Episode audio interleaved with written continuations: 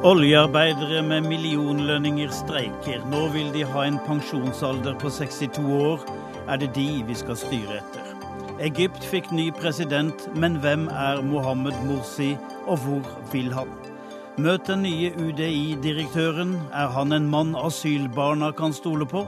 Møt også den nye dama i Morgenbladet, sjefredaktøren.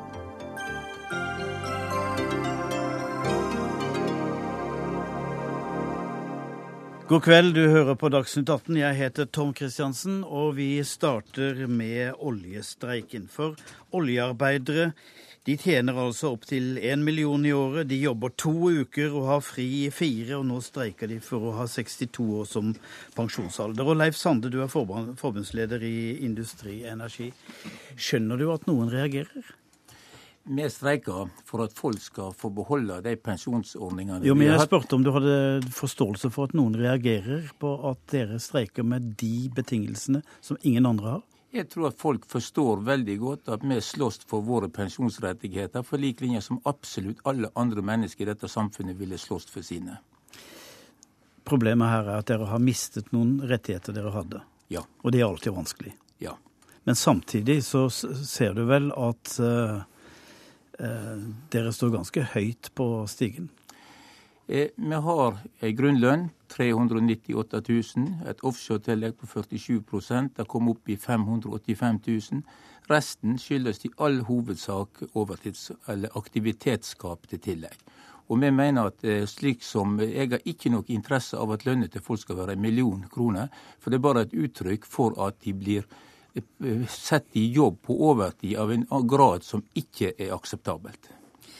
Gro Brekken, du er administrerende direktør i Oljeindustriens Landsforening. Er dette bortskjemte karer? Eh, vi syns i hvert fall at eh, de har veldig gode betingelser, og de tilhører absolutt lønnsadelen blant arbeidstakerne i Norge.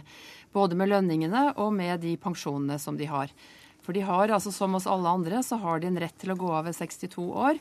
Og det, vil, altså, det har vi jo alle etter pensjonsreformen i, eh, som kom i fjor. Og så har de oppå det så har de AFP fra 62 år. Og så har de alle sammen i bedriftsvise avtaler på 65 år. Fullt opptjent pensjonsavtale ved 65 år. Men, vi, men ja. selv du må jo skjønne at det å bli fratatt et gode man har, det virker veldig negativt uansett hvor på den skalaen du befinner deg. Men sånne endringer skjer jo i bedriftene. Dette er jo bedriftsvise avtaler. Dette har jo ikke noe med tarifforhandlingene å gjøre, selv om Leif Sande har prøvd å skape det inntrykket og prøver å få det inn i tariffavtalen nå. Dette har vært bedriftsvise avtaler.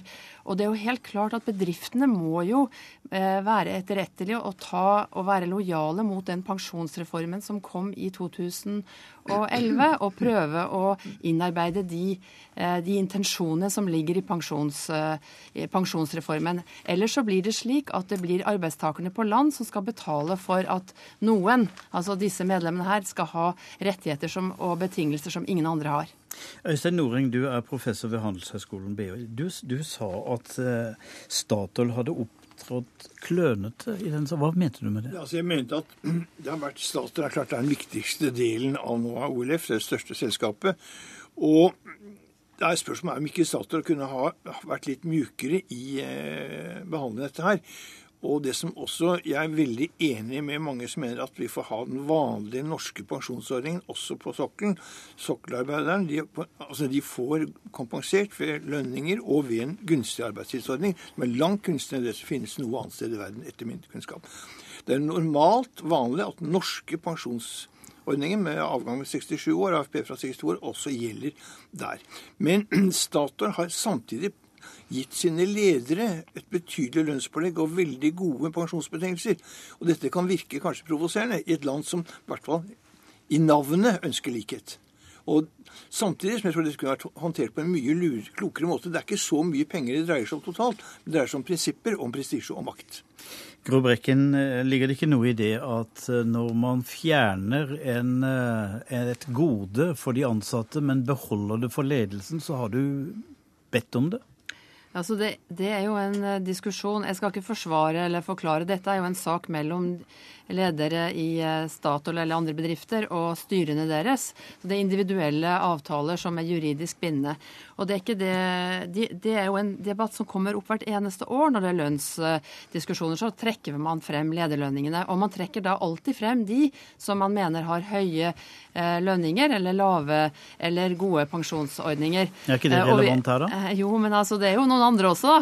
Det er jo ikke bare det. Men det kunne jo sammenligne seg med Leif Sande, og de kunne jo sammenligne seg med min pensjonsordning. Jeg har 67 år. jeg er jo selv om jeg har jobba snart i 40 år, så kommer jeg aldri til å fylle pensjons fylte opp tjenestepensjonen min sånn som jeg har eh, skifta jobber. Og dessuten så er det nå sånn at eh, lederlønningene i Norge de er nøkterne og greie i forhold til hva som er i Jeg behøver ikke å sammenligne med verden, for der er de mye lavere, men Sverige og Danmark f.eks. så ligger vi helt på linje. Men det er en debatt som bare alltid kommer opp. Ja, og det er alltid noen å sammenligne seg med over og under. Men eh, det ser ut som at arbeidsgiversiden veldig ofte har vanskelig å forstå effekten av at ledere unner seg gode betingelser, og ikke det samme for sine ansatte. Det det, dette er jo enkeltpsykologi, er det ikke det, Gråbrekken? Ja, altså det, det, er jo en det, det måtte skape en energi. Jeg forstår at det gjør det. Men det er allikevel slik at uh, det er nå et uh, sånn det er, for å si det sånn, at ledere i Norge har uh, de lønningene de har, og det ligger på det nivået de gjør, og er helt sammenlignbart med, med andre land. Og noe mer kan jeg ikke si, for dette er ikke tariffesta avtaler med administrerende direktører og fagforeninger. Det er individuelle avtaler som inngås av styrer, enten styrene kommer representerer staten eller representerer ja, private eiere. Sånn er det. Ja, jeg lurte nå på hvor smart det var, men der hører du, Sander. Sånn er det. Ja, jeg hører hva hun sier. Men altså, vår ordning ble eh, etablert i tariffrevisjonen i 1998. Og da gjorde vi det på den måten at eh, man starta forhandlingene med et, hadde hatt et utvalgsarbeid i to år for å finne fram til en pensjonsordning. Så starta vi forhandlingene med et krav. Så ble vi enige om å avbryte forhandlingene i 14 dager. Så gikk den enkelte tillitsvalgte med den enkelte bedriftsleder hjem og fant ut av hvordan ordningene skulle være. Sendte bekreftelser tilbake til oss at de var ferdige. Og så settla vi tariffoppgjøret med de ordningene intakt. Nei, det, var, jo, altså, det, er, det er måten det ble Jeg var med. Jeg var med, jeg var med. Vi må høre hva Brekken sier. Vent litt, Sande. Vent litt, Sande. Jeg må bare få si at nå må, du, må jeg få arrestere deg igjen, Leif Sande. Det har aldri vært en del av tariffoppgjøret. Det er bedriftsvise tjenestepensjonsordninger i tillegg. Det er mulig at de kom i 1998, men jeg har, et, jeg har her et brev foran meg fra, eh, fra, OLF som kom 25.6.1998, hvor OLF sier at OLF kan ikke inngå kollektive særordninger utover, utover AFP-ordninger. Ja, det er ikke en del av tariff. Nå sitter Sande med svære papirer, så vi kan ikke gå inn i det. Ja, men det, dette må, er ikke tariff. Det er bare, vil jeg si. Altså, det er det ikke. Okay, jo, men, men, det ble etablert i tariffrevisjonen i 1998. Ja, Det er noe helt annet. Og, jo, men det, det, er ofte sånn det blir gjort i tarifforhandlinger. Det har jeg erfaring fra for mange andre tilfeller òg. Det er sånn det blir gjort. Vi kan ikke gå videre på det sporet. Noreng, eh, denne streiken koster 150 millioner kroner ja. dagen. Tror du på det? Jeg tror det kan komme til å koste mye mer hvis ikke parten enten kommer da til en avslutning på dette. Men hvordan regner man ut det? Oljen ligger jo der. Jo, oljen ligger der, men altså, okay, oljen, den, oljen som ikke produseres i juni 2012, kan produseres i juli eller august 2012. Og vel, det er en prisrisiko, den går begge veier, vi får se. Men uh, det er klart at det koster løpende inntekter, og, men det er, det er ikke noe endelig tap for samfunnet eller bedriftene. Altså det, hvis det er skviset, vi har en dårlig kontantstrøm akkurat det, det, øyeblikket her, så er det jo klart det er ille. Det er mulig at enkelte helt marginale selskaper da vil, ikke vil klare seg. Men du kan si det som du regner. Jeg bare kommer tilbake til et historisk eksempel. Statoil ble to år forsinket. Det kostet Norge veldig mye fra 77 til 79, og vi holdt på å gå konk. Men fra 79 så kom Statoil for fullt, og da var prisen dobbelt så høy. På vi, sånne ting må vi ta med. Kan denne streiken her få virkninger for flere enn oljearbeiderne? Ja, altså det har virkning klart for leverandørindustrien hvis det skal fortsette en stund. Det kan ha virkninger for de som altså leverer særlig tjenester til sokkelen hvis det fortsetter. Men jeg tror det er, altså regjeringen er kommet til en vanskelig situasjon. Jeg tror enden på visa kan bli en tvungen nemnd, lønnsnemnd, fordi OLF altså truer med, med lockout. Og det er et veldig klart signal. Da ønsker regjeringen på banen. Ja, altså, en ting jeg er 100% sikker på. Det kommer aldri til å komme noe lockout før eh, arbeidsgiverne har fått en garanti fra, fra regjeringen om at de vil følge opp med en tvungen lønnsnemnd. Og slik er det ikke det skal gjøres i et demokrati. De tør aldri gå ta sjansen på å stoppe all produksjon, men da taper de påfører seg sjøl. Den upåliteligheten som oppstår i forhold til kundene på kontinentet når gasseksporten stopper, da tør aldri norske arbeidsgivere gjøre. Og i den grad de gjør det, så er det fordi de har fått et klarsignal fra regjeringa om at de vil komme inn med lønnsene. Og i så fall er det helt uakseptable måter å gjøre ting på i et demokrati. Blir det lockout, Brekken, helt kort?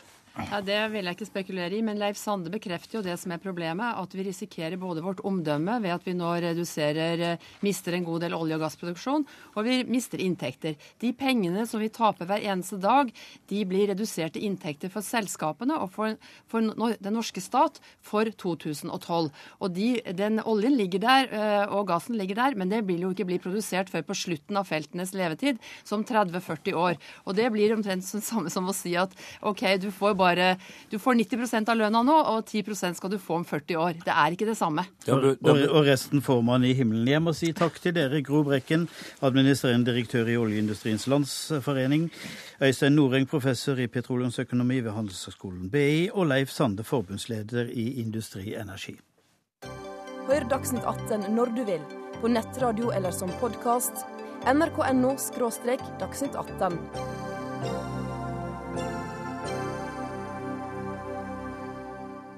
For første gang i den arabiske verden er en islamist valgt til president. Mohammed Morsi fra Det muslimske brorskap ble i går utpekt som vinner av presidentvalget i Egypt, og egypterne feiret på Tahrir-plassen. Der var også vår korrespondent Sigurd Falkenberg Mikkelsen. Her er det fortsatt uh, vill fest, og jeg tror den kommer til å fortsette, fortsette til langt ut i nattetimene. for det fortsetter å komme folk hit, og de synger. De eh, klapper, som dere hører eh, rundt meg, og det går fyrverkeri. De har ikke ventet eh, bare en uke, men de har ventet i årevis. Ja, Sigurd Falkenberg Mikkelsen, det var i går, og du er fortsatt ikke langt unna. Hva skriver avisen i dag om valget? Nei, altså, jeg syns det har vært spennende å se på hva, hvordan, særlig hvordan statsavisene takler dette. Fordi de har jo vært svært kritiske til brorskapet under det forrige regimet. Nå står de litt i skvis. De vet kanskje ikke helt hvem, skal, hvem som blir de, de, nye lederne av den egyptiske staten. Og det er jo Mubarak Nei, altså, skal vi se her Morsi-bilder over, over, hele linja. Mens mange av statsavisene fokuserer særlig på valgordningen. Da, og at det har fungert ordentlig, at det var et uh, ærlig valg. Uh, og at til slutt og syvende og sist så var det dette det egyptiske folket ville ha. Og det var også et stort øyeblikk i går da Morsi talte på statsfjernsynet, som jo også har vært veldig kritisk mot uh, brorskapet uh, hele veien uh, under valgkampen. sånn at Det kommer interessant å se hvordan, hvordan, mediene kommer til å følge opp dette. her. Og Så ser vi også de private avisene, litt avhengig av hvor de står hen, enten om de er da, brorskapsvennlige eller kritiske, som mer, har mer uavhengige og, og, og kritiske artikler og prøver å se litt framover på hvordan eventuelt nye politiske konstellasjoner skal, skal fungere. Eh, og så er det også en viktig del, i hvert fall her i Kairo. altså Det er den eh, bloggosfæren og Twitter og Facebook og slike ting. Eh, og Der ser vi mange av disse prominente revolusjonære som var med på å starte revolusjonen. De er litt delt i to. Noen har bestemt seg for å boikotte hele valget og mener at det er umulig å få til et ordentlig valg med et militærregime som, som det sittende. Andre har gått inn på Eh, og støttet Morsi, fordi de mener at han tross alt er eh, bedre å ha med å gjøre enn eh, Shafik. Og noen av de skriver jo også at de gleder seg nå til å ha Morsi som motstander. Er det kommet noen signaler i dag om hva slags forhold han kommer til å ha til de militære? Det er jo de som sitter med makten i øyeblikket. Sagt de skal gå av 1.7. Ja, det, Vi er inne i en uh, fase med mye forhandlinger. og uh, Det var jo også mye bakromskontakt i den uh, meget spente uken vi har lagt bak oss her. Og, og, Dette kommer til å fortsette. Dette tror jeg kommer til å bølge fram og tilbake. og Jeg var på Tahrir nå igjen i stad. og det er, det er, ikke mange igjen fra brorskapet, men de har bestemt, bestemt, seg for å holde teltleiren oppe eh, fram til de da i hvert fall får deler av parlamentet tilbake igjen. Der har jo grunnlovsdomstolen bestemt at hele parlamentet skal oppløses fordi en tredjedel av parlamentssetene valget til parlamentet ikke gikk i forhold til, henhold til loven. De vil gjerne at det bare er de som skal velges om igjen osv. Så så videre. sånn at vi er inne i en litt sånn mer sånn langdryg prosess her. Men også kan også merke en viss lettelse. Det var fryktelig spent her søndag formiddag og ettermiddag før det kom. Masse rapporter om at det var stridsvogner på vei, og folk var urolig for hvordan dette skulle gå. Og så ser vi nå at hvert fall faren for akutte opptøyer og vold har, har blitt borte. Eh, Mona Abdul Fadil, du er stipendiat ved Senter for islam og Midtøsten-studier ved Universitetet i Oslo. Hvem er eh, den nye presidenten? Eh, Morsi har, er 60 år og har ingeniørutdannelse. Han har ph.d., faktisk, og har vært førsteamanuensis i USA og Egypt innenfor ingeniørfaget. Han, vært, han, er mest kjent både innenfor og utenfor brorskapet siden 2000. Eh, hvor han deltok i parlamentariske valg og var kjent for å bekjempe korrupsjon, bl.a. internt i Altså, han var eh, mot eh, korrupsjon i Mubaraks regime og var veldig uttalt på dette. I tillegg til at han var veldig uttalt på at han var kritisk til avtalen mellom Egypt og Israel, gassavtalen. Han, hvor, hvor ligger han i det religiøse som vi ikke må glemme her? Ja, Han anses som eh, konservativ. Eh, noen eh, kaller det for sosialt konservativ framfor religiøs konservativ. Men jeg Hva betyr det? Jeg tenker at det er litt synonymer. At han ser for seg et konservativt samfunn. Torgeir Larsen, statssekretær i Utenriksdepartementet. Norge har vært blant de første gratulantene. Her kommer det et folkestyre ut av en revolusjon. Her kommer det noen som gjør noen valg som er deres. Og hvis man skal støtte demokratiet, ja, så får man ta de valg man tar, selv om vi kanskje er fortrolig med andre ting. Ja, absolutt. Eh, det som jo er historisk, eh, det er at eh, den første presidenten i Egypt er valgt demokratisk. Det er klart. Det har vært noen spennende dager nå. Fordi eh, ryktene og indikasjonene på at eh, Morsi, altså brorskapskandidaten, hadde vunnet, eh, har vært ute nokså lenge. Så tok det tid før valgkommisjonen da erklærte det de erklærte i går. Og det er altså, et troverdig resultat, og det viser reaksjonene i dag. Og det er viktig eh, at eh, dette første valget eh, er troverdig. Og det er det. Så er det en lang vei fram for Egypt, også for den valgte presidenten. Men alternativet, det at en valgt president gjennom demokratisk urnevalg hadde blitt avvist, ville vært mye, mye verre. Han har antydet at han vil ha en åpen linje til Iran. Han har samtidig antydet at forholdet til Israel vil han se på en gang til. Han har eh, også vært tydelig på at internasjonale avtaler eh, vil han stå ved, eh, herunder da Camp David 1976 med Israel. Men vi har fått en ny president i, i Egypt. Hva som vil bli programmet, hva som vil bli regjeringen, hva som vil bli handlingsrommet til denne presidenten, med militæret som fortsatt sitter der, det vet vi ikke ennå. At det er en president som på mange områder verdimessig eh, vil ha andre oppfatninger enn det eh, du og jeg har. Det vet vi også. Han har sagt han vil ha en lovgivning som er muslimsk. Blir det sharialover i Egypt, Fadil? Altså, For det første så må man skille på hva slags lovgivning som har eksistert i dag, som også er inspirert av sharia. Så eh, når noen snakker om å innføre sharia, så er det ikke sikkert det er så langt unna det som allerede eksisterer. Det er det første.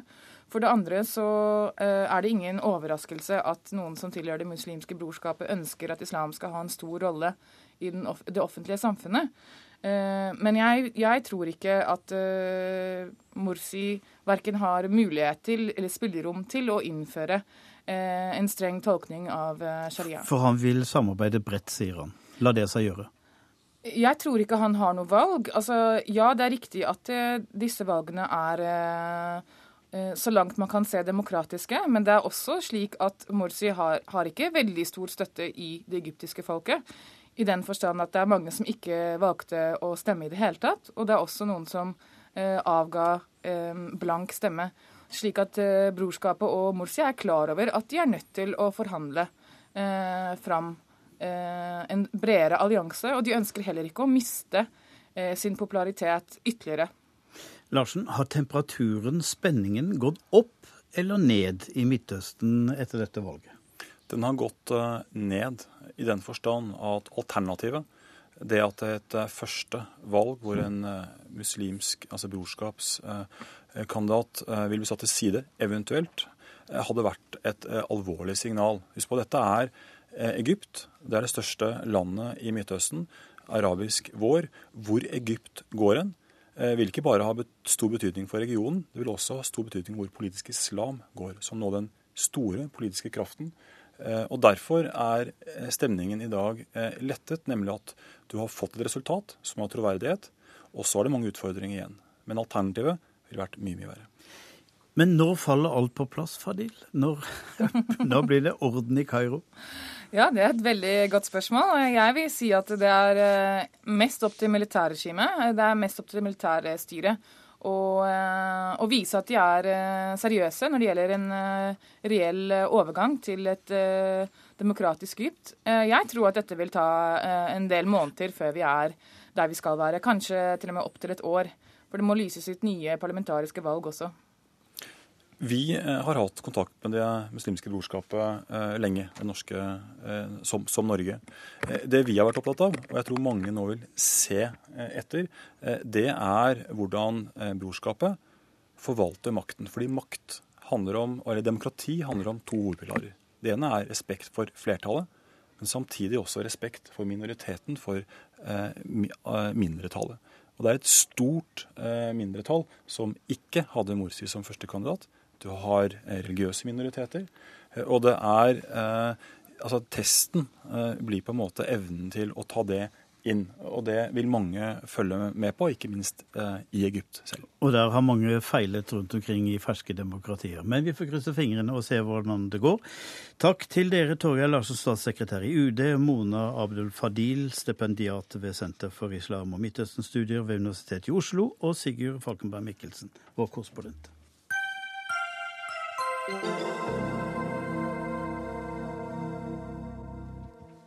Frode Forfang ble før helga utnevnt til ny UDI-direktør. Han skal dermed lede en av de mest kontroversielle etater her i landet. En slags portvokter for dem som ikke har norsk pass. Asylsøkeres skjebner ligger heretter i hans hender. Og uh, Forfang, gratulerer med dagen eller fredagen, eller hva vi skal si. Takk skal du ha. Er det å ønske seg et bedre liv grunn god nok til å komme til Norge? Det er i hvert fall en forståelig grunn at eh, mennesker ønsker seg et bedre liv. Det, sånn har det alltid vært, og, og, eh, sånn vil det nok alltid være. Men, men, så har vi på den annen side et regelverk som bestemmer hvem som skal få tilgang til Norge, og hvem som ikke skal få anledning til å bo i Norge. Og vår oppgave er jo å håndheve det regelverket som da uh, våre politiske myndigheter har besluttet.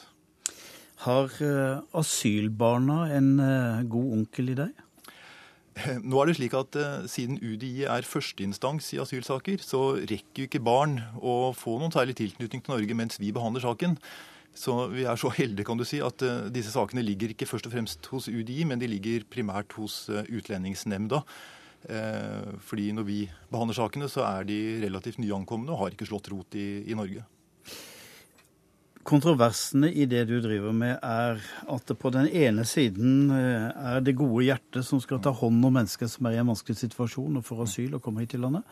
Og samtidig må man også forholde seg til at det er ikke plass til hele verden i Norge. Hva betyr begrepet barmhjertighet for deg?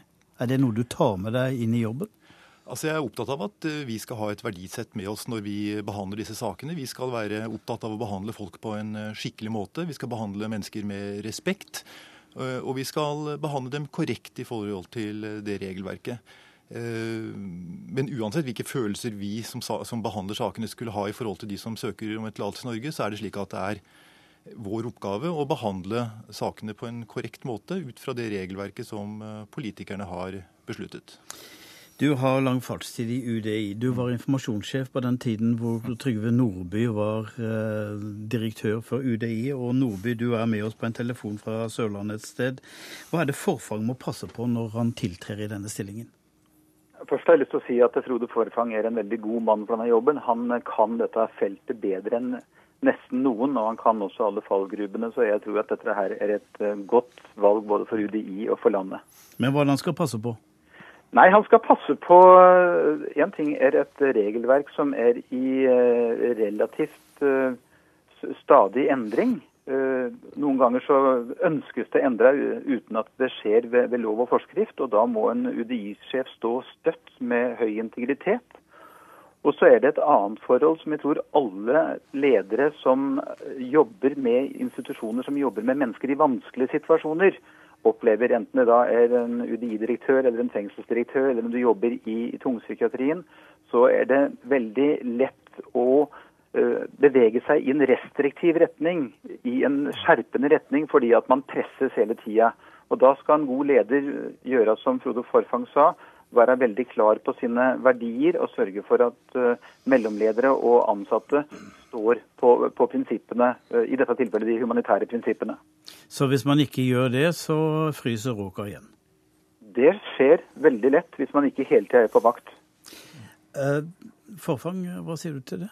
Nei, altså Jeg er i og for seg enig i det. at Jeg er opptatt av, eller jeg tror at våre medarbeidere, alle som jobber i UDI, er opptatt av å behandle mennesker på en korrekt måte. Behandle mennesker med respekt, og, og behandle dem også i tråd med menneskerettigheter og, og de jo, regler men, som gjelder. Men Nordby antyder at det er lettere å si nei enn ja, fordi at det er et, et trøkk utenfra. Jeg er ikke helt sikker på det. Eh, jeg tror at våre medarbeidere først og fremst er opptatt av å fatte riktige beslutninger.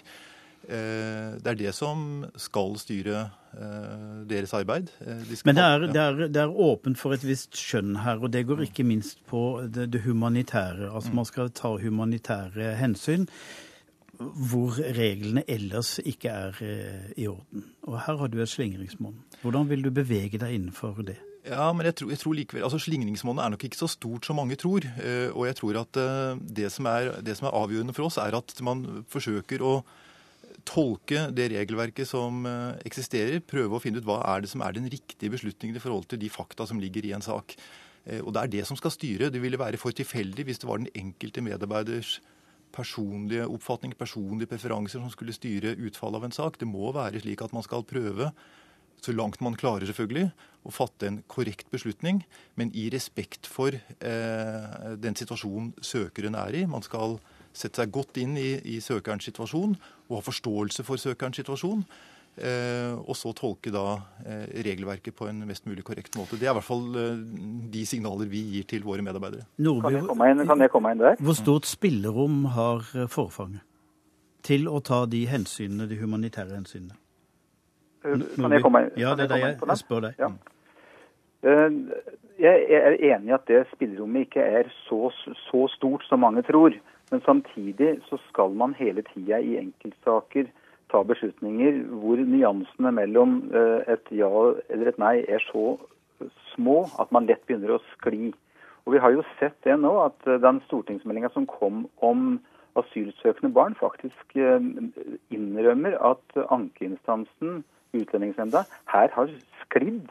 Selv om politikerne da ga et, et visst humanitært rom i behandling av saker for barn, så har altså da dyktige medarbeidere, som sikkert hver for seg har gjort en best mulig jobb, i sum allikevel sklidd i lenger i restriktiv eh, retning enn det som var ønska. Jeg har et par politikere i studio, Forfang, og du skal slippe å gå inn i noe debatt med dem. Men eh, eh, jeg må jo spørre deg, Per Sandberg, de signalene du har hørt nå, hva forteller det deg?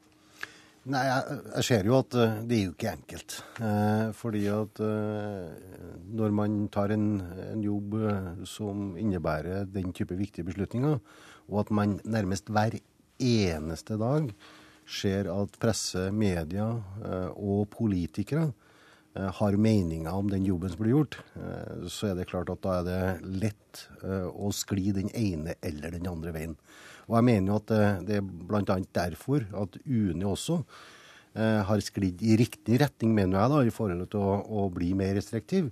Eh, det har vi påpekt i en lang rekke saker, eh, og Arbeiderpartiet har fulgt det opp.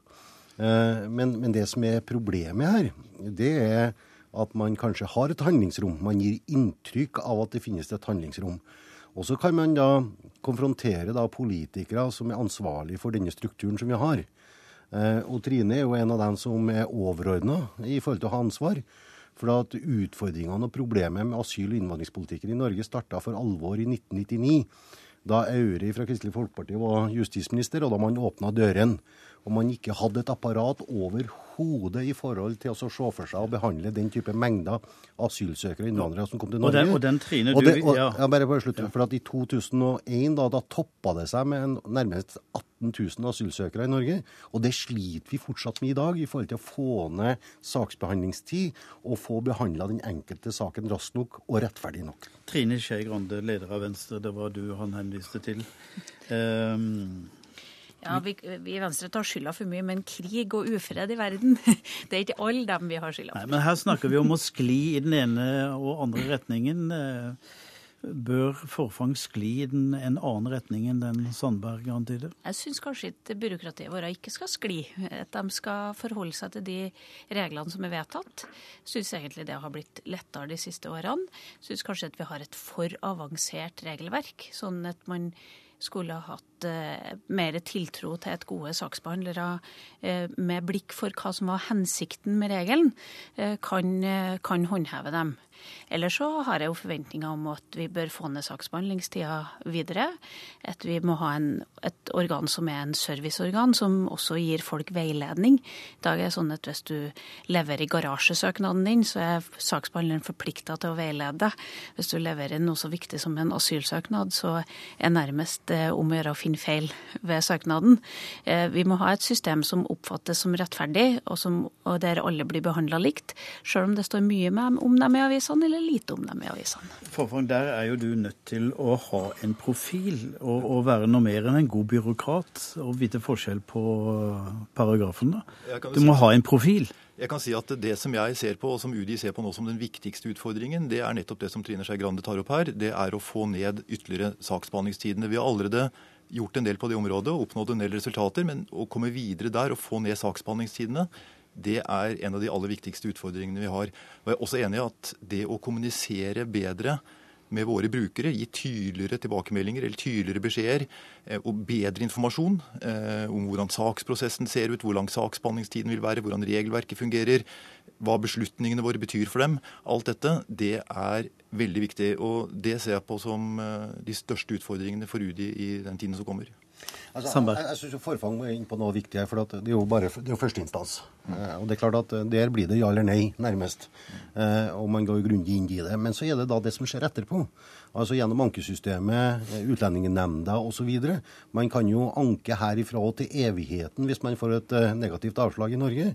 Og det skaper store utfordringer også for UDI, og ikke for- minst for Utlendingsnemnda. Men så er det altså i forhold til Altså Asylinstituttets verdi og status i 2012 er dessverre ikke det samme som det var i 1999. Det er, Statusen har gått ned. Og for meg og Fremskrittspartiet så er asylinstituttet uhyggelig viktig. Eh, eh, fordi at det er det eneste verktøyet den enkelte nasjon har nærmest til å overprøve andre nasjoner i forhold til å gi asyl til mennesker. Ja, og, jeg, og jeg mener jo det. Når Venstre eller alle de andre partiene, la meg si det sånn, alle de andre partiene foruten Fremskrittspartiet og Høyre, bygger denne strukturen med å overlate ansvaret til embetsverket og byråkratene, ja, da bør de sannelig også ha tillit til at det blir gjort, og ikke blande seg inn i sakene i ettertid. Skei Grande, er eh, asylinstituttet er viktig. Er det Asyl- viktig til å holde, folk inn, eller holde folk ute? Nei, Asylinstitutt er viktig fordi at det å, søke menneske, det å søke asyl er faktisk en menneskerettighet. Retten til å levere en asylsøknad er en helt klar menneskerettighet. Og det skal behandles ordentlig. Nå er det ikke så veldig mange som kommer til Norge og som får asyl. De aller fleste kommer til Norge med helt annen type opphold. Og det jeg er opptatt av, det er at vi må ha et regelverk som er rettferdig, og som behandler alle likt. Og det, når du jobber med disse sakene her, så får du av og til en følelse av at noen er god til å presentere saken sin, eller noen har et stort mediepress bak seg, og at det da blir lettere, mens andre ikke har den samme sympatien å surfe gjennom eller hjelpa. Så jeg er opptatt av at vi skal ha et regelverk som er rettferdig, og som behandler alle likt uansett. Eh, Et regelverk som også er så klart at det går an å ha en rask saksbehandling. For jeg tror også at vi politikerne har dulla oss inn i veldig mye detaljer på dette feltet, som gjør at søknadene tar veldig lang tid. Og vi får litt sånn rare, eh, rare utslag av det. Da får vi ønske påtroppende UDI-direktør Frode Forfang eh, lykke på ferden. Og samme til deg, Per Sandberg, leder av Stortingets justiskomité, nestleder i Fremskrittspartiet. Og du, Trine Skei Grande, du blir sittende.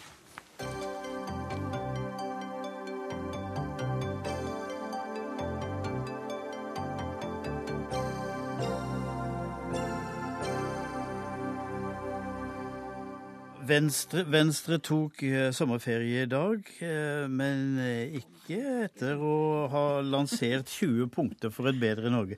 Så det er 20 punkter som er igjen for å få det perfekte Norge, er det slik? Nei, vi brukte 20 punkter som eksempel på hvorfor vi syns det er viktig å, få være med å lage en ny regjering. Vi har nok en mye lengre liste med ting vi vil gjøre. Så dette var 20 eksempler på viktige ting som vi vil ha gjennom, men som vi har blitt nedstemt for når vi har fremma det i Stortinget siste året. Som betyr at du altså ikke får noe sommerferie i år heller, for du skal ut og treffe velgerne dine, de du har igjen? Vi, det er faktisk sånn at Selv om det er møtefri på Stortinget, så mener jeg at politikere har mye de skal gjøre. og De skal både møte til debatt i Dagsnytt 18, men først og fremst møte folk.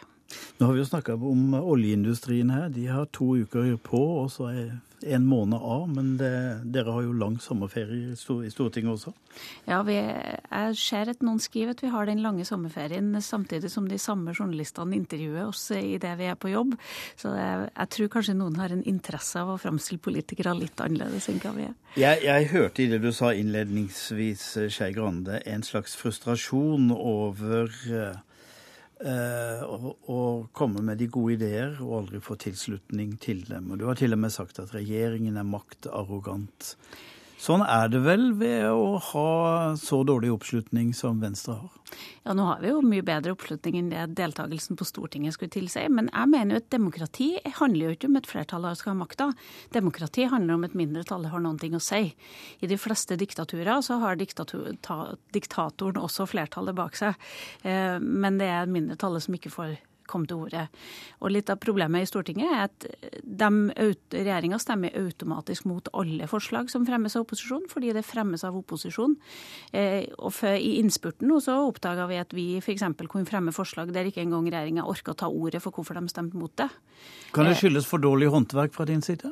Nei, vi får jo støtte fra veldig mange av de borgerlige, andre borgerlige partiene eh, når vi fremmer forslagene våre. Så det er jo ikke sånn at, at de er helt dumme. Og vi har jo opplevd at vi har fått fått snudd Stortinget også. En enstemmig justiskomité foreslo at man skulle eh, bryte, bryte allmenne rettsprinsipp og innføre razzia på norske skoler uten varsel til elevene. Eh, det fikk vi stoppa, og vi fikk snudd hele Stortinget. Så jeg tror nok at det er viktig å ha et Venstre der. Nå gikk jo Sandberg rett ut døra her. Med, Han stemte til slutt med oss, han jo. Men du sier til Dagbladet i dag at det er en skikkelig dårlig idé å starte politiske samtaler om felles borgerlig regjeringsplattform før valget. For det har Erna Solberg tatt til orde for. Hadde ikke det vært en idé, så vi visste hva vi gikk til? Jeg har veldig stor respekt for velgere.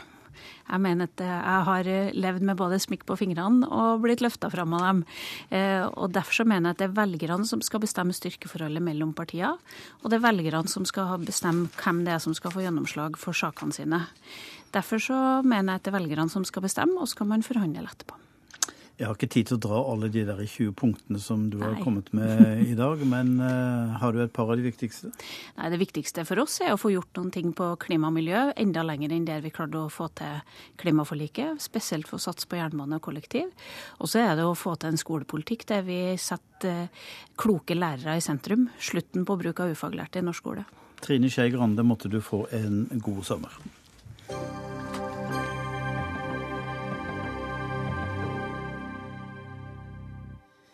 Tross forbud mot eh, å kjøpe sex innført for tre år siden, har antallet prostituerte bare økt. Bjørg Nordli, du er leder av Prosenteret, som er Oslo kommunes hjelpetilbud for kvinner og menn med prostitusjonserfaring. Økning på 20, 28% for landet som helhet. Hvordan er dere kommet fram til det tallet? Så våre tall baserer seg på de observasjonene vi gjør når vi driver vårt oppsøkende arbeid i gateposisjonen. Den eh, monitoreringen vi gjør av annonsesider på internett for den delen av prostitusjonen som foregår der. Er det noen vitenskapelig metode, eller er det liksom mer sånn eh... Dette er ingen vitenskapelig metode. Det er et felt som det er veldig vanskelig å bruke vitenskapelige metoder på. Og vi innhenter også informasjon fra de øvrige hjelpetiltakene i landet som jobber med kvinner og menn i prostitusjon. Så dette er ikke eksakte tall, men det er en, et relativt godt estimat, og det stemmer godt overens med de få undersøkelsene som har vært gjort av forskningsinstitusjoner på dette området. Det er flere prostituerte, og det er færre kunder. Er det sånn? Ja, altså Når det gjelder kundene, det vet ikke vi noe om. Eh, og som mitt vei bekjent, så er det heller ingen som har gjort noen eh, kartlegging eller undersøkelse på hvor mange kunder som eh, finnes i det norske prostitusjonsmarkedet. Verken før eller etter sexkjøpsloven. Hvor kommer disse kvinnene fra? Kvinnene kommer i stor grad fra utlandet. Eh, I gateprostitusjonen er det, som sikkert de aller fleste har fått med seg, fortsatt dominert av de nigerianske kvinnene og en del kvinner fra Romania og Bulgaria. På innendørsmarkedet er det mye østeuropeiske kvinner fra ulike land og et stort thailandsk miljø, og så har det også norske kvinner. Hvor stor andel norske kvinner? Nei, Det er vi litt usikre på, men eh, den blir mindre og mindre. Det er i hvert fall vårt inntrykk. Og at den nå har gått under 50% det er jeg ganske overbevist om. Anette Berger, du er politiinspektør i Politidirektoratet. Hva forteller disse tallene deg? Nei, eh, Vi har jo lest eh, rapporten, og det er jo da tallene fra Prosenteret. Og vi, vi, har ikke noe som kan stadfeste eller bekrefte de tallene. Politiet har sine opplysninger som ut fra jobben de gjør på, ute i miljøet. Og, uh, Hva sier de? Ja, Ut fra det så, så går det frem at uh, det er en nedgang på utemarkedet, i hvert fall i Oslo. og også på Kan det likevel tenkes at det er flere prostituerte? Det vi vet, det er jo at dette her er en veldig mobil eh, gruppe personer. Så de forflytter seg veldig. De bruker eh, gjerne flere mobiltelefoner. De har eh, flere annonser ute på én gang. Altså samme person opererer med da flere annonser og mobiltelefoner. Og det gjør jo at det også er vanskelig å kartlegge hvor mange personer som det faktisk er der ute. Ok, men ja. La oss komme til det som egentlig er realiteten her. Er det blitt mer eller mindre prostitusjon etter at prostitusjon ble forbudt for den som kjøper seksuelle tjenester? Et, altså, politiet er av den formening at etter lovforbudet i 2009 trådte i kraft, så er det per dags dato færre prostituerte enn det var per 2009. Ute, ute og inne? Ute og inne. Eller unnskyld, på utemarkedet. Altså det er ja. på utemarkedet mm, som vi har mer klart, uh, klart på, da. Nordli? Ja, altså Våre tall viser også at gateprostitusjonen har gått ned etter at sexkjøpsloven trådte i kraft i 2009. Det som på en måte er vår bekymring, er jo at den jo ikke har stått stille siden da. Vi ser jo at det er en sakte, men sikker økning. Sånn at tallene i 2009 eh, var lavere enn i 2010, som var lavere enn i 2011. Eh, og hvor det på en måte skal flate ut igjen, det er det jo ingen som vet foreløpig. Sånn at eh, vi, ikke, vi, så en kraftig nedgang rett etter at loven trådte i kraft. Eh, men den nedgangen har ikke vært stabil. Tvert imot. Og det er jo en bekymring. Berger, etter hvert som nøden rammer, den økonomiske krisa rammer Europa, så kan man vel forvente at det kommer flere som vil selge seksuelle tjenester? Ja, og det ser vi allerede fra hvordan miljøet utvikler seg i dag. At det kommer flere fra Schengen-land med tidligere opphold fra Spania og Italia. At de kommer da til Norge. Og det er også observert eh, personer som er av spansk-italiensk eh, opprinnelse på markedet, bl.a. Så det er helt klart at der hvor det er penger å hente, der kommer de også. Og vi er jo en del av det. Men jeg vil gjerne tillegge det med at bakgrunnen for hvorfor vi fikk lovverket, var jo flere Eh, det var jo flerdelt. Det var jo bl.a. et verdispørsmål også, med at man skulle ikke Eller vi skulle ikke akseptere at eh, salg av kropp var noe vi ønsket å ha her. Eh, at vi skulle akseptere det. Så det er jo også en verdidebatt. Ønsket, eller det ble ønsket fra de som da fikk gjennom loven, at det ble mer fokus på kjøperne, at de også skulle da ta en endring av holdninger, at det var ønskelig. Så det, det, er verdidebatt også. Men det er jo en, et paradoks her, da, at sex er en vare som er lov å selge, men ikke mm. kjøpe. Ja, og det er jo nettopp fordi at det er jo ikke den prostituerte eh, som, eh, som, lovforbudet retter seg mot, sånn sett. Det er jo kjøperen. Og det er jo igjen verdispørsmålet. Men er, er, er, er, ikke det ulogisk i det med på å undergrave hele loven? Nå skal ikke jeg gå inn på en Det er en politisk debatt, så jeg forholder meg til hva som var bakgrunnen for loven da den, da den kom. Og vi i politiet vi, vi, gjør jo en jobb ut Vi håndhever jo den, den loven på flere forskjellige Men vi måter. Har, vi har noen politikere her, og Jan Bøhler, du er en av dem. Du sitter i justiskomiteen for Arbeiderpartiet. Du var nå litt skeptisk til disse tallene her om at det har gått opp. Men så ser jo Berge at det kommer jo til å gå opp uansett, fordi krisa i Europa osv. Ja, men uh, hovedmålet med den uh, loven er å skape holdninger i den norske befolkningen at uh, man ikke skal være horekunde, ikke ha det undertrykkende synet på kvinner som det innebærer. Og Det var et oppslag på fredag som Pro-senteret også lanserte en rapport, der de sa at de snille i anførstein, horekundene er forsvunnet, og de slemme er igjen, så det er blitt vanskeligere for kvinnene, altså mer vold osv. Men det man da slo fast, var at det var færre totalt sett, fordi de snille var borte. Og sånn at Det blir litt selvmotsigende det man kommer med på forskjellige dager her. Men det politiet sier til meg, og det tror jeg er et inntrykk hvis man uh, tilfeldigvis går nedover Karl Johan seint natterstid i, i helgene, er at uh, de, altså ungdommer som uh, unge som ble tiltrukket av dette veldig åpne og pågående sexmarkedet. Det er færre som kjøper sex i, de, i den gruppa nybegynnere og andre. Sånn at vi er i ferd med å, å få markedet til å stagnere. Inntjeningen er lavere. Eh, og da er jo også målet at antallet prostituerte skal gå ned. For vi må hjelpe kvinnene ut av prostitusjonen. Det er den måten vi best kan hjelpe dem på. Og når det gjelder Prosenteret, så har de ført en kampanje sin dag null da vi gjorde dette vedtaket mot denne loven. Og da blir det ikke lett å oppfatte det som veldig objektiv dokumentasjon, som de hele tiden bringer på bane. I Sverige så har det vært ro rundt loven siden den ble vedtatt i 1999. Bred eh, tverrpolitisk ro. Også moderaterne som sitter ved makten og opprettholder loven. Og der virker loven mye bedre. Så nå bør man skape mer ro. Ja, altså Det er jo veldig veldig vanlig at uh, den delen av venstresida som Jan Bøhler representerer, kritiserer Prosenteret for å være både agitører og aktivister og gud veit hva, når vi dokumenterer konsekvensen av den lovgivningen han selv har vært med på å implementere. Uh, og jeg syns det er utrolig kjedelig å gang på gang måtte høre på det maset om uh, hvor aktivistisk vi har vært. Jeg syns at de får legge fram en eller annen form for dokumentasjon på hvor denne aktivismen foregår.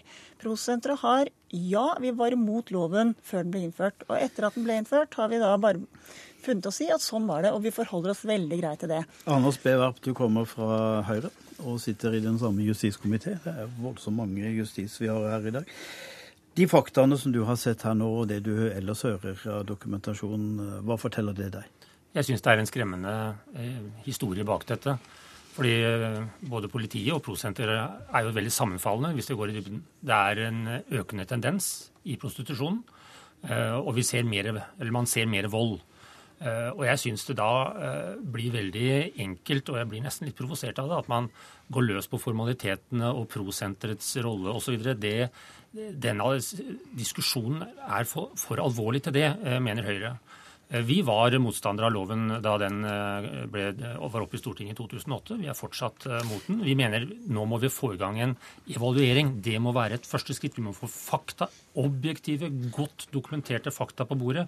og det Men er det, ikke, er det ikke, den loven som, som, da gjør at det dokumenteres at det er eh, en del vold i, i dette miljøet? Jo, det, det, er jo nettopp det. Vi må ta tak i voldsutviklingen. Vi må ta tak i utviklingen i forhold til antall og volum. Og så er Høyre og, og, og Arbeiderpartiet enige også om, om, veldig mange ting. Vi må jobbe med holdninger. Det å vedta et forbud løser absolutt ikke alle disse problemene. Vi må jobbe på flere plan, og det tror jeg vi skal også klare å finne fram til. Vi må, vi må få bakta på bordet. Altså, Jeg snakket med Oslo-politiet nå rett før de som jobber med det i Oslo-politiet, rett før jeg skulle den sendingen. De sier at i forhold til 2008 Eh, da dette markedet eksploderte, og det var da vi bestemte oss for å innføre loven, så er gatemarkedet halvert. Og de mener også at innemarkedet er eh, betydelig, er kraftig redusert i den retningen, halvparten. Fordi de, de teller ikke bare annonser. Eh, man må kunne mer om markedet. Man kan ikke bare telle antall annonser, som antageligvis prosenter gjør. Sånn at eh, Hvis vi har oppnådd at det er færre kunder, altså færre unge menn, færre som rekrutteres til dette markedet, blir horekunder, og hvis vi har oppnådd at markedet blir mindre, og hvis vi har oppnådd det som kanskje er det aller viktigste, at vi får tatt tak i menneskehandel, trafficking, som er det noe av den forferdeligste forbrytelse som går an å gjøre, som mange av disse kvinnene er utsatt for, så har vi kommet et viktig steg. Og jeg viser igjen til Sverige. De har opprettholdt loven hatt ro rundt den nå i tolv år. Og der har, de, har, den fått en mye bedre virkning enn i Norge. Så jeg ville heller appellere til Høyre og andre om å la oss få prøve dette nå i fem-ti år. Se hvordan holdningene kan forbedres, istedenfor hele tiden å skape nye debatter og hele tiden å legge fram nye tall som jeg mener er veldig subjektive. Vi jobber med dette, og vi bør høre på dem. Bjørn Nordli. Ja, altså Det er jo ikke rart det har vært ro i Sverige rundt loven. Det har jo ikke vært noe rom for å diskutere den i hele tatt. Og det politiske miljøet har lagt, lagt lokk på enhvert forsøk fra folk å dra opp konsekvensene av loven i Sverige. Så du kritiserer alle partier i Sverige, også Høyres jeg eh, søsterparti? Jeg sier at de som sitter ved, ved styringa i Sverige, har ikke laget et rom for noen å diskutere loven. Og Når det gjelder eh, Jan Bøhlers kunnskap om hvordan prosenteret teller eller måler eh, prostitusjonsmarkedet, så er det helt feilaktig. Du vet ikke noe om hvordan vi gjør det. Vi teller ikke enkeltannonser. I motsetning til politiet så opererer vi med akkumulerte tall. Politiet går inn og ser på annonsemarkedet på et øyeblikksbilde og teller hvor mange er det i Oslo i dag. Mens vi over tid har akkumulerte tall og kan si noe om turnover. Det har politiet aldri kunnet gjøre, å si noe om hva som er turnoveren. Og da kan man heller ikke si noe om det totale omfanget. Berge. Eh, ja, For å kommentere litt om hva politiet gjør med hensyn til annonsemarkedet, så, så, monitoreres det kontinuerlig. Og Kripos gjør det, og hvert enkelt politidistrikt uh, gjør det. Og det er en kontinuerlig jobb de gjør. Når det gjelder evaluering av sexkjøpsforbudet, så har jo regjeringen bestemt at det skal skje. Og det er jo Justisdepartementet som kommer til å ta ta tak i det. Og eh, etter hva jeg da forstår fra Justisdepartementet, så vil de sette i gang med den jobben til neste år. Så... Da rekker vi ikke lenger eh, på denne diskusjonen. Skulle gjerne hatt mer tid. Takk til dere, Bjørg Nordli, leder i Prosenteret, Anette Berge, politiinspektør, Jan Bøhler fra Arbeiderpartiet, justiskomiteen, og det samme Anders B. Werp, men fra Høyre. Takk skal dere ha.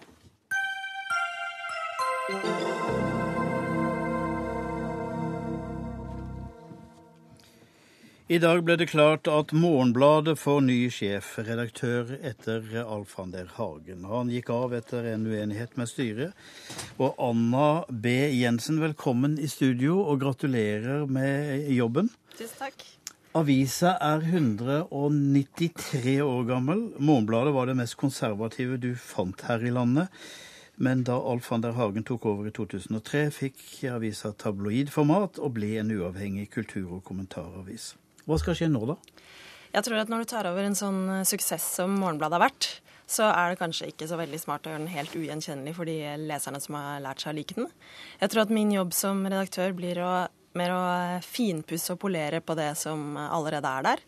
Jeg er jo en, en bladfikk, en journalist, så det kan jo tenkes at jeg kanskje tar med meg litt mer litt journalistisk metode og eh, presentasjon det er de gode på allerede, men enda mer av det inn i avisa. Ja, men den skal være gjenkjennelig. Ja, Det var det jeg skulle til å spørre om. Hva er det ved deg som gjør at eh, vi får det moroere, vi som leser eh, Morgenbladet? Eh, ja, hva skal jeg si til det? Det som driver meg, er jo rett og slett å lage en god avis. Det er det jeg har lyst til å gjøre. Det er det som fikk meg til å ta denne jobben. Og det som er så fint med å kunne jobbe i Morgenbladet, er at man eh, føler at man får jobbe i en viktig avis. En avis som er et alternativ til resten av Presse-Norge. Som eh, kanskje istedenfor å bare skrive om nyheter og, og, det som skjer her og nå, er litt mer sånn som Dagsnytt 18. Og går bak nyhetene og forteller hvorfor det skjer, og tar debattene. Men du vet, de, de fleste sjefredaktører ender jo som administrator som må passe på bunnlinja og budsjett og personalkonfliktene og, og Altså redaktøren med stor R. Er, er det slik du blir?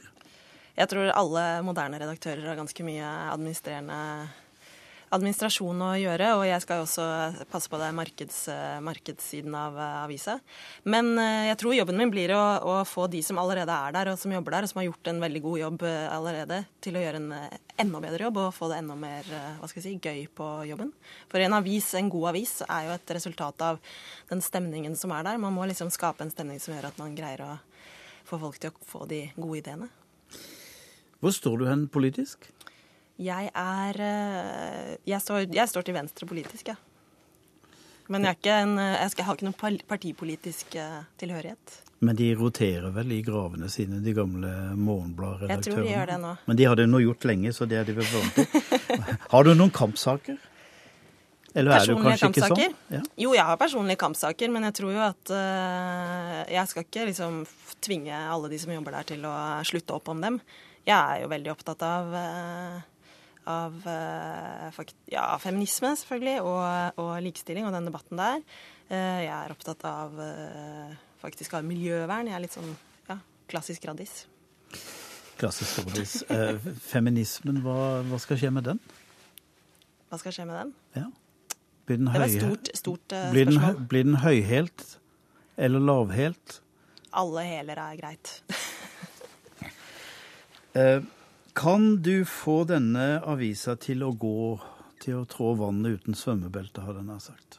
Det er håpet mitt. Jeg tror at eh, folk er interessert i å, å lese kvalitetsjournalistikk. Og Morgenbladet er i den heldige situasjonen at det er en nisseavis, nisjeavis. unnskyld. Og hvis man ser på avismarkedet, så er det nettopp nisjeavisene som eh, gjør det godt. Eh, Jeg tror leserne får ganske mye av det eh, nyhetstrykket og, og de enkle nyhetene på nettet, mens en, en ukeavis som Morgenbladet kan tilby noe annet som er mer sånn analyse og refleksjon og informasjon eh, til eh, å delta i samfunnsdebatten, på sett og vis. Hvem er det som leser Morgenbladet? Jeg tror det er åpenbart mye flere som leser Morgenbladet enn den, eh, enn- enn kanskje det bildet man tenker seg først av en veldig eh, men eh, ja, dannet eh, herremann. Men det er jo helt klart at Morgenbladet er veldig høyt utdanna eh, kulturinteresserte, politisk interesserte, engasjerte lesere. Da. Og det er jo en, et privilegium.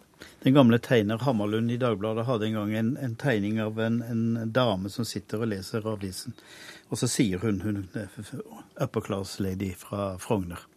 Folk sier man må holde Aftenposten for å følge med på dødsannonsene. Jeg skjønner ikke det. Mine dør i Morgenbladet.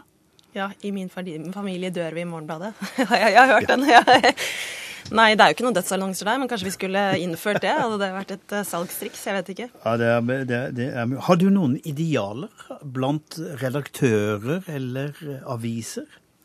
Jeg må si at min eh, nåværende sjef i Dagens Næringsliv, Gry Egenes, er kanskje det beste journalistiske Eller den beste journalisthjernen jeg noensinne har møtt på. Alle journalister som har ambisjoner, burde prøve å komme seg i posisjon til å lære litt av henne. Ehm, og ellers, jeg er jo eh, opptatt av eh, Jeg er en skriver, jeg er opptatt av å skrive og formidle, så jeg er opptatt av nyjournalisten. Jeg er Gaita Lis og sånne ting. Joan Didion. Um, uh, flere redaktører? Nei, jeg må tenke meg litt om. Ja. Er det en eller annen avis som du ikke leser, som du gjerne skulle sagt at du leser hver dag? Jeg skulle gjerne sagt at jeg leste mm, Süddeutsche Zeitung, eksempel, hver dag. Men jeg kan ikke tysk, så det går ikke. Ja. Da håper jeg at den avisa som du skal lage Morgenbladet til å bli, blir litt lettere tilgjengelig enn Süddeutsche Zeitung. Det blir det nok. Så um, lykke til, og håper du tjener både penger for å holde avisa i live, og at eh, det går bra i den eldgamle avisen. Der setter Dagsnytt 18 strek for i dag. Ansvarlig for sendinga Jonas Haagensen, teknisk ansvarlig Karl Johan Rimstad. Jeg heter Tom Kristiansen.